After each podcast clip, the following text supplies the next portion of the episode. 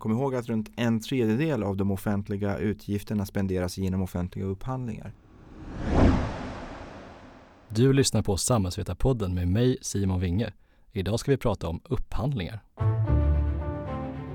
Bara för att vädret är galet så måste inte politiken vara det. Om vi får bestämma så kommer alla utvisas. Det här är ett styrkebesked för den svenska modellen. Blir det krig i Sverige så tror jag vi alla skulle vilja se en samlingsregering. You look at what's happening last night in Sweden.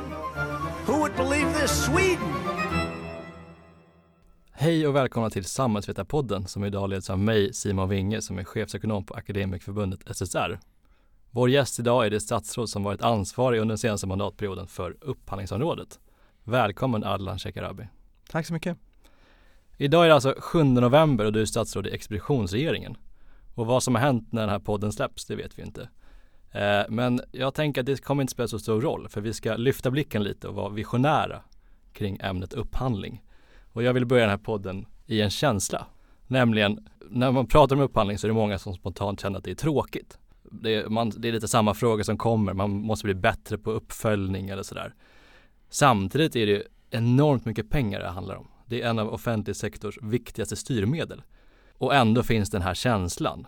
Varför tror du att det området är så styvmoderligt behandlat trots att det är så viktigt? Det är en väldigt central fråga. Jag tror att det har att göra med att, eh, det ses eh, av många som en teknisk fråga, som en administrativ fråga, en juridisk fråga. När offentliga upphandlingar i praktiken påverkar innehållet i de offentliga tjänsterna. Kom ihåg att runt en tredjedel av de offentliga utgifterna spenderas genom offentliga upphandlingar. Så vi lägger ner väldigt mycket pengar på att köpa tjänster och produkter till offentliga verksamheter. Och eh, då är det rimligt också att se detta som en del av politiken. Det är en del av politiken och politiker har ansvar för de beslut som fattas kring offentliga upphandlingar. Just det. Och jag vill börja i en ganska politisk fråga som ligger nära oss som fack, nämligen kraven om kollektivavtal eller liknande villkor i offentlig upphandling. Eh, där har det ju hänt ganska mycket de sista åren och det är en fråga som du har drivit.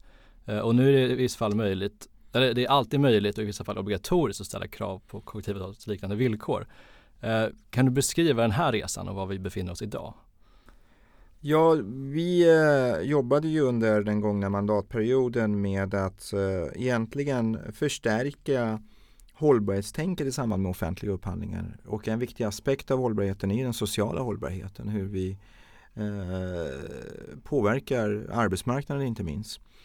Och vi bestämde oss för att sätta igång ett arbete som hade till syfte att egentligen då eh, utrota eh, den sociala dumpning Eh, som vi sett i samband med offentliga upphandlingar i Sverige. Det har handlat om taxiupphandlingar, det har handlat om städupphandlingar eh, som har lett till att eh, de som jobbat i de offentligt finansierade verksamheterna har haft löner och villkor som har varit betydligt sämre än de villkor som ska gälla i Sverige i enlighet med våra kollektivavtal. Så regeringen la fram ett förslag som handlade om att göra det obligatoriskt att ställa krav på Eh, lön och övriga arbetsvillkor eh, i enlighet med svenska kollektivavtal i samband med offentliga upphandlingar. Eh, det förslaget föll först i riksdagen och det var först efter en överenskommelse mellan regeringen och Kristdemokraterna som det här förslaget kunde gå igenom och ja, sen två år tillbaka så är ju det här lagstiftningen. Så det innebär att numera är det obligatoriskt att i samband med stora upphandlingar ställa krav på lön, semester eh, och arbetstid i enlighet med svenska kollektivavtal i samband med upphandlingar. En, någonting du inte nämnde där är pensioner som, man då, som undantas från de kraven. Uh, för oss tjänstemän och akademiker är det ganska viktigt med sifferlösa avtal och så. Hur, varför valde ni den vägen?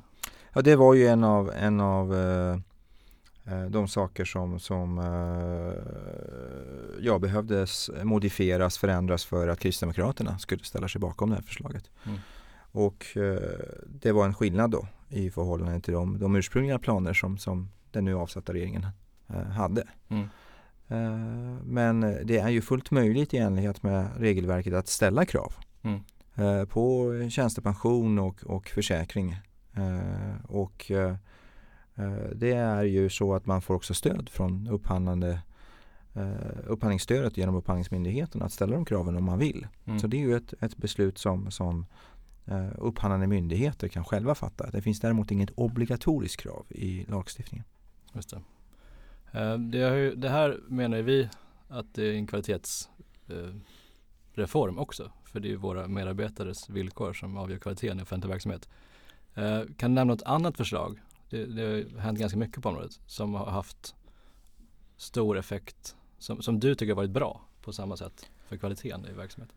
Ja, vi har egentligen jobbat eh, målmedvetet under den gångna mandatperioden med att eh, höja kvaliteten på offentliga upphandlingarna. Dels genom den här nya lagstiftningen då eh, där vi bland annat då har eh, mycket mer långtgående krav kring eh, sociala aspekter, arbetsrättsliga villkor. Men också genom då skapandet av Upphandlingsmyndigheten som, som ger stöd till upphandlande myndigheter och leverantörer i syfte att höja kvaliteten på upphandlingar, förbättra tjänsterna och produkterna som inhandlas då till, till den offentliga sektorn. Men också genom den nationella upphandlingsstrategin. Eh, förra mandatperioden började vi för första gången någonsin styra myndigheterna i upphandlingsfrågor och följa upp myndigheternas upphandlingsbeteende. Mm. Och det är ju lite märkligt att det inte har gjorts tidigare. Det handlar ju om en väldigt stor del av de offentliga utgifterna och det är rimligt då att vi också ställer krav på att våra skattemedel används på ett hållbart och ekonomiskt smart sätt. Eh, så därför så, så, tror jag att upphandlande myndigheter får ett helt annat stöd idag än de fick för, för 5-6 år sedan. Eh, både genom upphandlingsmyndigheten men också eh, de tydliga målsättningar som satts upp i upphandlingsstrategin. Ibland om man ska vara elak så kan man säga att upphandling är ett sätt att försöka efterlikna marknadens funktionssätt. Eh, det är bara det att när man har liksom hunnit göra det från politiskt håll då har näringslivet gått vidare och gör, idag gör ju de inte alls enligt upphandlingsregelverk, de har inte den typen av eh, arbetssätt idag. Ligger det någonting i det här? Ja, det är ju så att, att eh, ekonomiska aktörer Eh, både i det privata näringslivet och, och, den offentliga sektorn utvecklar hela tiden affärsmodeller och kontraktsmodeller.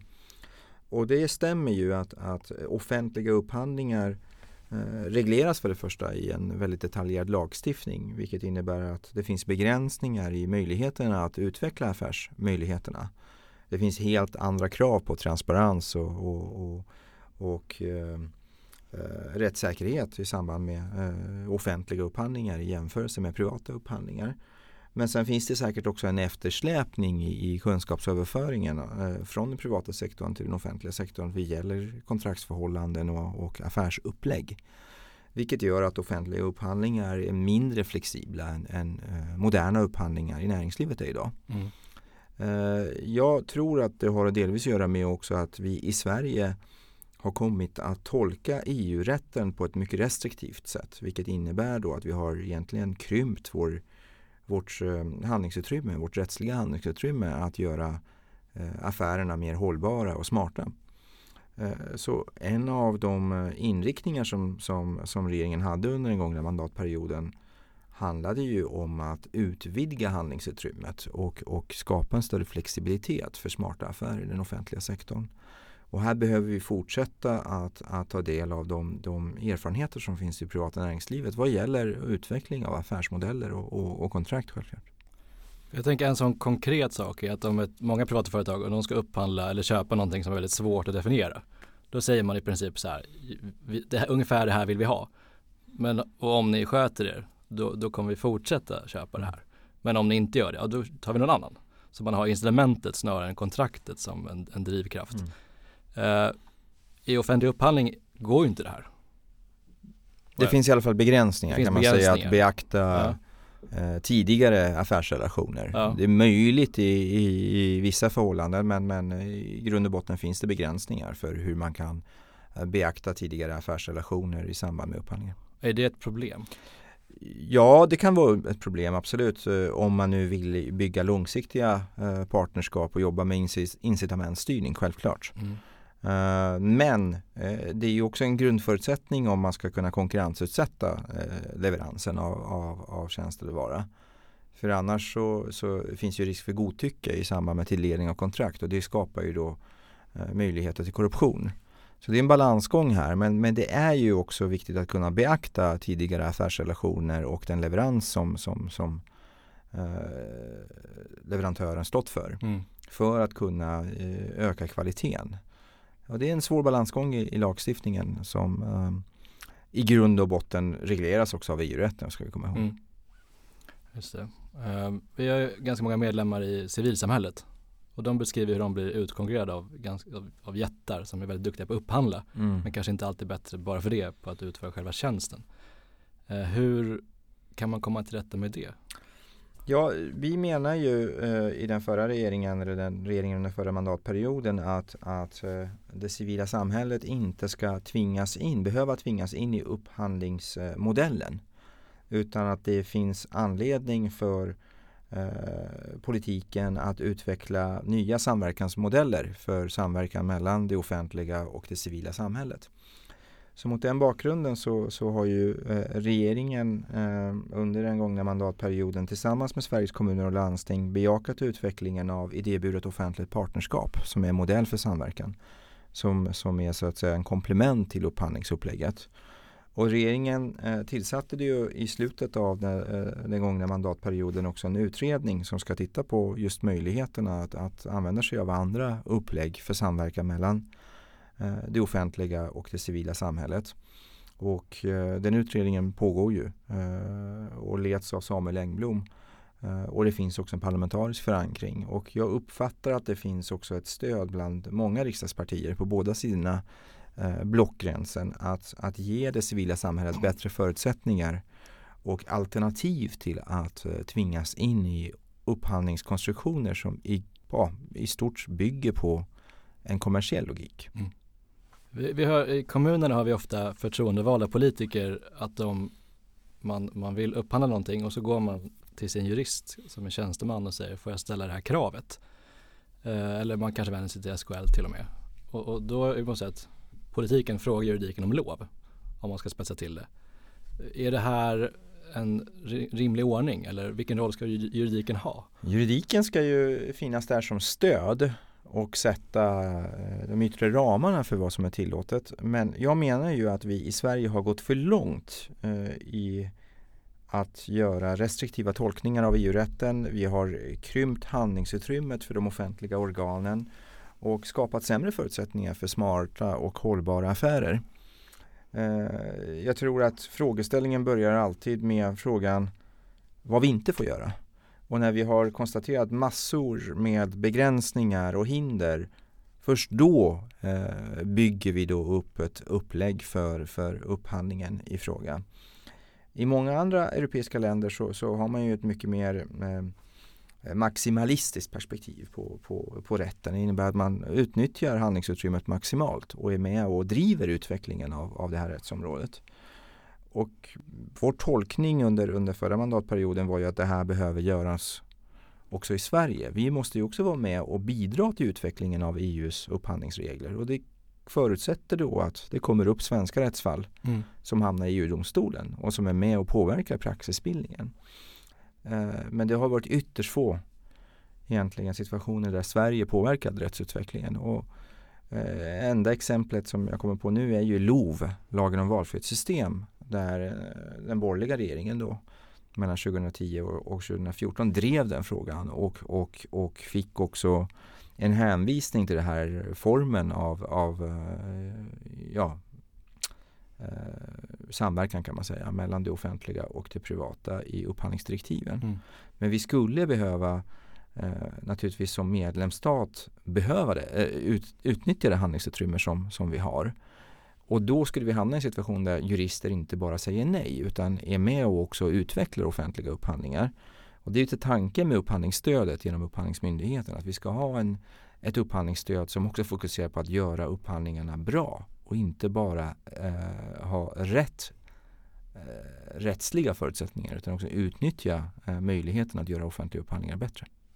Men det, om jag tolkar det rätt så skulle det kräva att, att myndigheter och kommuner också tar ut svängarna lite för att man ska få praxis. Ja, och det förutsätter ju att ledare i, i, i kommuner och, och i myndigheter har kunskap. Eh, och också får möjlighet att ta del av positiva exempel. För annars så får vi en väldigt, ett väldigt försiktigt förhållningssätt till, till upphandlingsjuridiken och då utvecklas inte upphandlingarna. Uh, så det här, är, det här är en kunskapsfråga också. Ska vi ha ledare och ansvariga politiker och, och tjänstemän inom den offentliga förvaltningen som, som använder offentliga upphandlingar till att göra samhället och den offentliga sektorn bättre. Och då måste det finnas också grundläggande kunskaper om offentliga upphandlingar och det rättsliga handlingsutrymme som, som, som finns. För jag tycker det som ibland kommer bort i den här kravdiskussionen är ju att där man kan ha allra mest inflytande det är om man bedriver själv egen förvaltning. Och man ser i näringslivet så finns det ju någon form av trend mot att man gör mer inhouse. Jag menar vissa företag har ju allt inhouse för att ha kontroll över processen och kunna påverka det så mycket som möjligt. Eh, resonerar man tillräckligt kring detta i kommuner och myndigheter eller finns det en form av slentrianupphandlande skulle du säga? Ja, det skulle jag nog säga att, att, att eh, i viss mån så finns det slentrianupphandlande eller outsourcing. Eh, det har eh, ändå utvärderats i, i den rapport som Statskontoret släppte för några år sedan som handlade om just outsourcing av offentliga verksamheter. Och där föreslog ju också eh, eh, Statskontoret att, att eh, man skulle ha en modell där man utvärderade effekterna av outsourcing i samband med eh, offentliga upphandlingar eller beslut om outsourcing. För att kunna också göra mer medvetna val av, eh, om vilka verksamheter som ska bedrivas i egen regi och vilka verksamheter som ska läggas ut på entreprenad.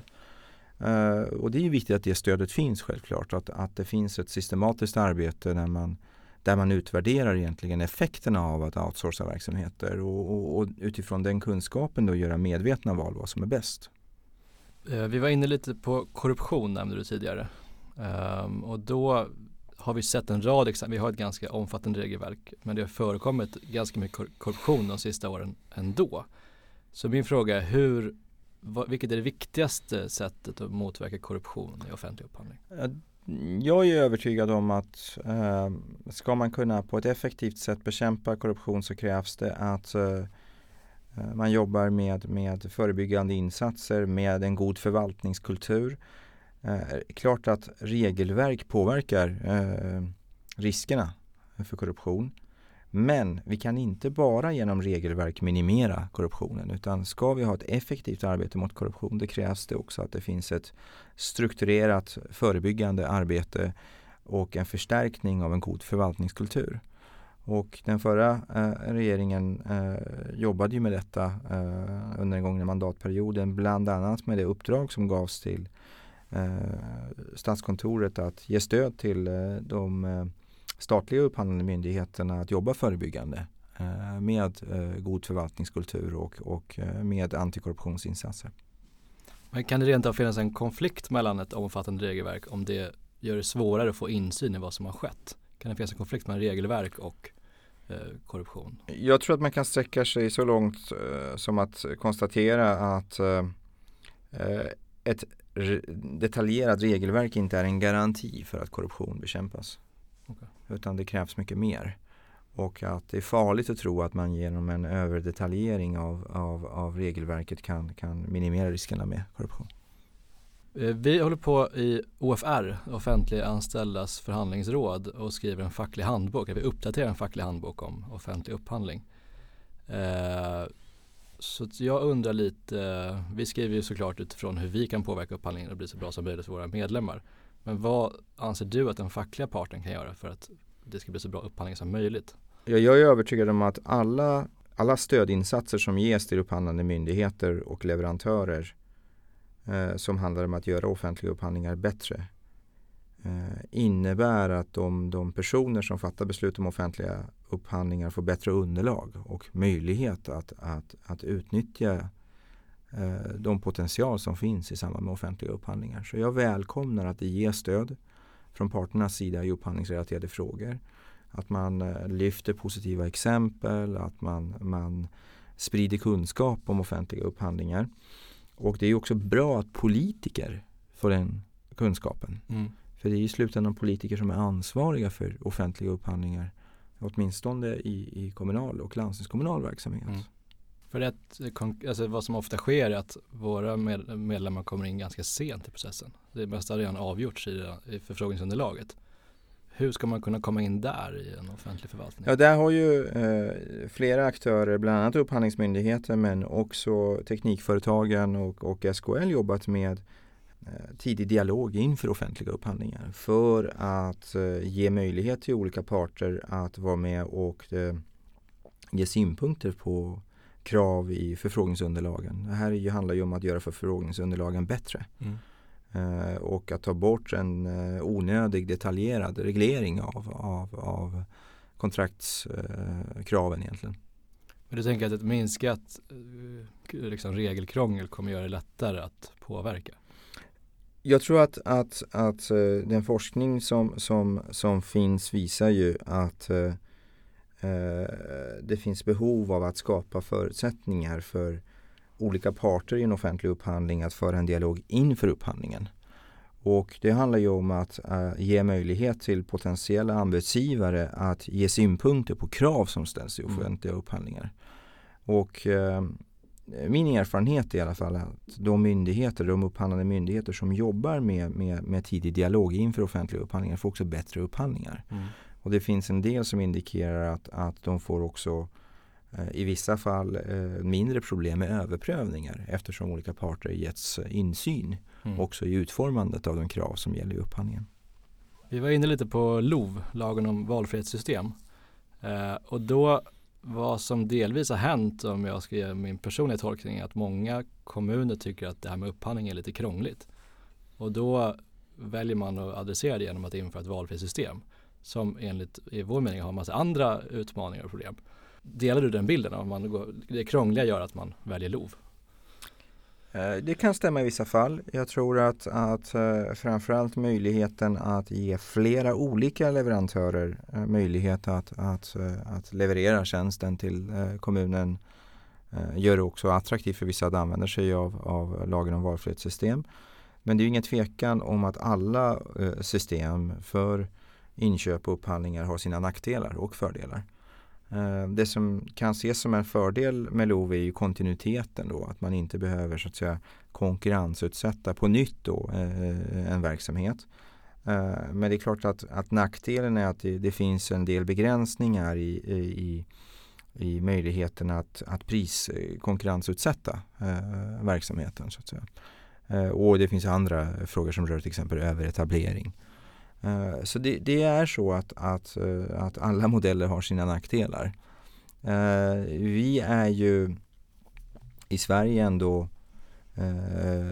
fokuserade på att göra offentliga tjänster så effektiva som möjligt. Det finns en debatt om detta. Det finns en förväntan från medborgarnas sida. Och då kan det finnas fördelar med en upphandlingsmodell självklart. Där priskonkurrens kan, kan användas. Eh, men eh, i många fall leder den priskonkurrensen till försämrad kvalitet också. Så jag menar att även i, en upphandlingssituation så finns det risker eh, som måste beaktas. Men ser du att det finns något sätt att upphandla flera så att man kan välja mellan dem? Finns det några sådana möjligheter dagens lagstiftning? Ja, det finns möjlighet i, i den gällande lagstiftningen att, att använda sig av, av flera leverantörer, absolut. Eh, det gör det. Även om man upphandlar? Eh, ja, eh, men sen finns det en del rättsliga begränsningar i hur man kan forma sådana såna upphandlingar och kontrakt och så. Men, men visst finns det möjlighet att använda sig av flera olika leverantörer, absolut. Har du någon bild på ungefär i vilken omfattning det här sker? Eh, det, det, jag har inte sett några detaljerade analyser av detta. Vi pratade att det, det, är ganska många miljarder det handlar om enligt Upphandlingsmyndigheten som försöker utvärdera eh, själva området. Eh, samtidigt konstaterar de att datan på området är högst otillräcklig och statistiken är, de får köpa in den från privata leverantörer och de får kolla på olika annonseringar. Och det är ganska anmärkningsvärt eftersom det är en så stor del av offentlig sektor. Så min fråga är, hur, hur kan det vara så dålig statistik på det här området? Ja, det har egentligen eh, saknats då ett systematiskt arbete med, med den eh, offentliga processen kring statistik om offentliga upphandlingar. Men eh, ja, sen egentligen sista året då i den gångna mandatperioden så har man på Finansdepartementet i samverkan med, då, med Upphandlingsmyndigheten jobbat med egentligen ett nytt upplägg för, för statistiken kring offentliga upphandlingar och det är ett arbete som pågår just nu också eh, hos tjänstemännen på Finansdepartementet. Och eh, den eh, nu mera avsatta regeringen har ju aviserat att det här eh, ska eh, förändras. Eh, sen får vi se vad eh, en kommande eh, ordinarie regering eh, gör med den här frågan. Men att arbete pågår eh, på Finansdepartementet med upphandlingsstatistiken är ett faktum kan man säga. Mm. Och finns det någon, för du pratar om blocköverskridande konsensus i vissa av de här frågorna. Finns det det här? Jag har ju svårt att se att det finns eh, någon egentligen eh, som är emot bättre statistik i samband med offentliga upphandlingar. Vi, vi behöver ha koll på hur skattebetalarnas pengar används. Mm. Och vad tror du om upphandlings framtid i det här parlamentariska läget? Kan man, kommer man kunna fortsätta den här reformtakten? Finns det alltså, oavsett vilken regering som, som kommer till makten eh, så kommer offentliga upphandlingar vara ett hett, hett ämne som påverkar offentliga verksamheter och samhället i övrigt också eh, i väldigt stor utsträckning. Så jag är övertygad om att vi kommer att se en utveckling där offentliga upphandlingar tar större plats också i de politiska eh, processerna och debatterna. Och det är ju inget unikt för Sverige utan så ser det ut i hela världen nu att offentliga upphandlingar tar plats. Också i politiska debatter. Och Sverige är ju ett land som har valt att, att, att konkurrensutsätta eh, tjänster som i andra länder inte är konkurrensutsatta. Så här är ju upphandlingar ännu större och mm. ännu mer relevant. Tack så mycket. Tack. Det var allt från Samhällsvetarpodden den här veckan. Samhällsvetarpodden görs varannan vecka och fångar upp stora samhällspolitiska frågor, helst med en facklig twist. Prenumerera gärna på oss på de ställen där du brukar hitta dina podcasts. Samhällsvetarpodden görs av Akademikerförbundet SSR, Sveriges ledande samhällsvetarförbund.